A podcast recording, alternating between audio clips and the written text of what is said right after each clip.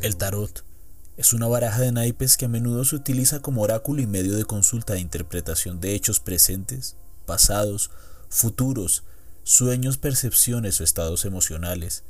Estas cartas están llenas de simbología de todo tipo. A pesar de que se cree que tienen su origen en Italia en el siglo XIV, aún no se define con seguridad el lugar la fecha de su creación. El tarot está formado por 78 cartas divididas en los arcanos mayores y los arcanos menores. La lectura puede hacerse con los arcanos mayores solos o con ambos juntos. Los arcanos mayores son 22 cartas. En su conjunto representan al universo y están divididas en tres grupos. Las cartas del conocimiento, las de la acción y las de la emoción. Dicho de otra manera, representan los tres planos, material, espiritual anímico. Aparte del significado que cada figura representa, intervienen otro tipo de símbolos, numerología, el significado de los colores, la lectura de los gestos, las posiciones de las figuras y los elementos. Los arcanos menores son 56, los triunfos son naipes, como los de una baraja española, as, hasta el 10, sota ballet rey y reina. Los mazos que tuvieron más éxito fueron el de Marsella, los italianos y los españoles.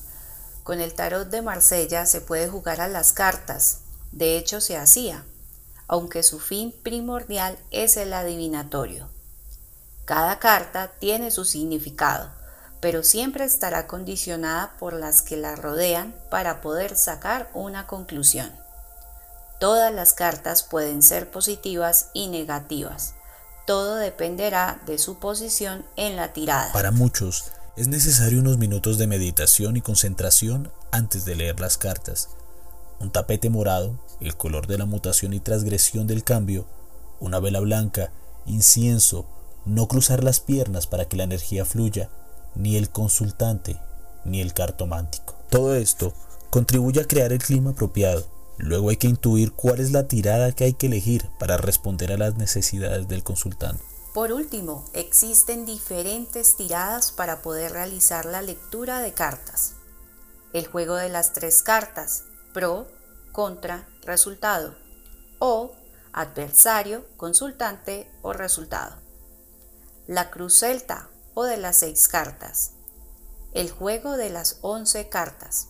El juego de la diana el juego de la pirámide, el juego de la estrella de Bohemia, la estrella de David, el calendario del futuro, la gran rueda, la pequeña rueda, la tirada real, tirada de las 21 cartas, el cuadro mágico, la cruz mística, la del abanico, el árbol de la vida, entre otras. La lectura del tarot se enmarca en la creencia de que las cartas pueden ser usadas para comprender situaciones actuales y futuras de la persona consultante. Algunos dicen que las cartas son guiadas por una fuerza espiritual como oráculo, mientras otros creen que las cartas los ayudan a introducirse en un inconsciente colectivo. Uno de los métodos más utilizados son las tiradas, que consisten en voltear un número de cartas que previamente han sido barajadas al azar y repartidas en un cierto orden boca abajo, y darle una interpretación a cada una según la posición en la que se encuentre sobre la mesa y en relación con las cartas adyacentes. Las temáticas de vida que suelen consultarse principalmente son el amor, la salud y el dinero. Esto se justifica sabiendo que dichas aristas son la base de las incertidumbres y problemas que suelen tener las personas en su vida cotidiana. El tarot es un medio que se basa en formas arquetípicas, las cuales reflejan emociones, situaciones o vivencias de una persona. Esto nos ayuda a sanarlas o prevenirlas.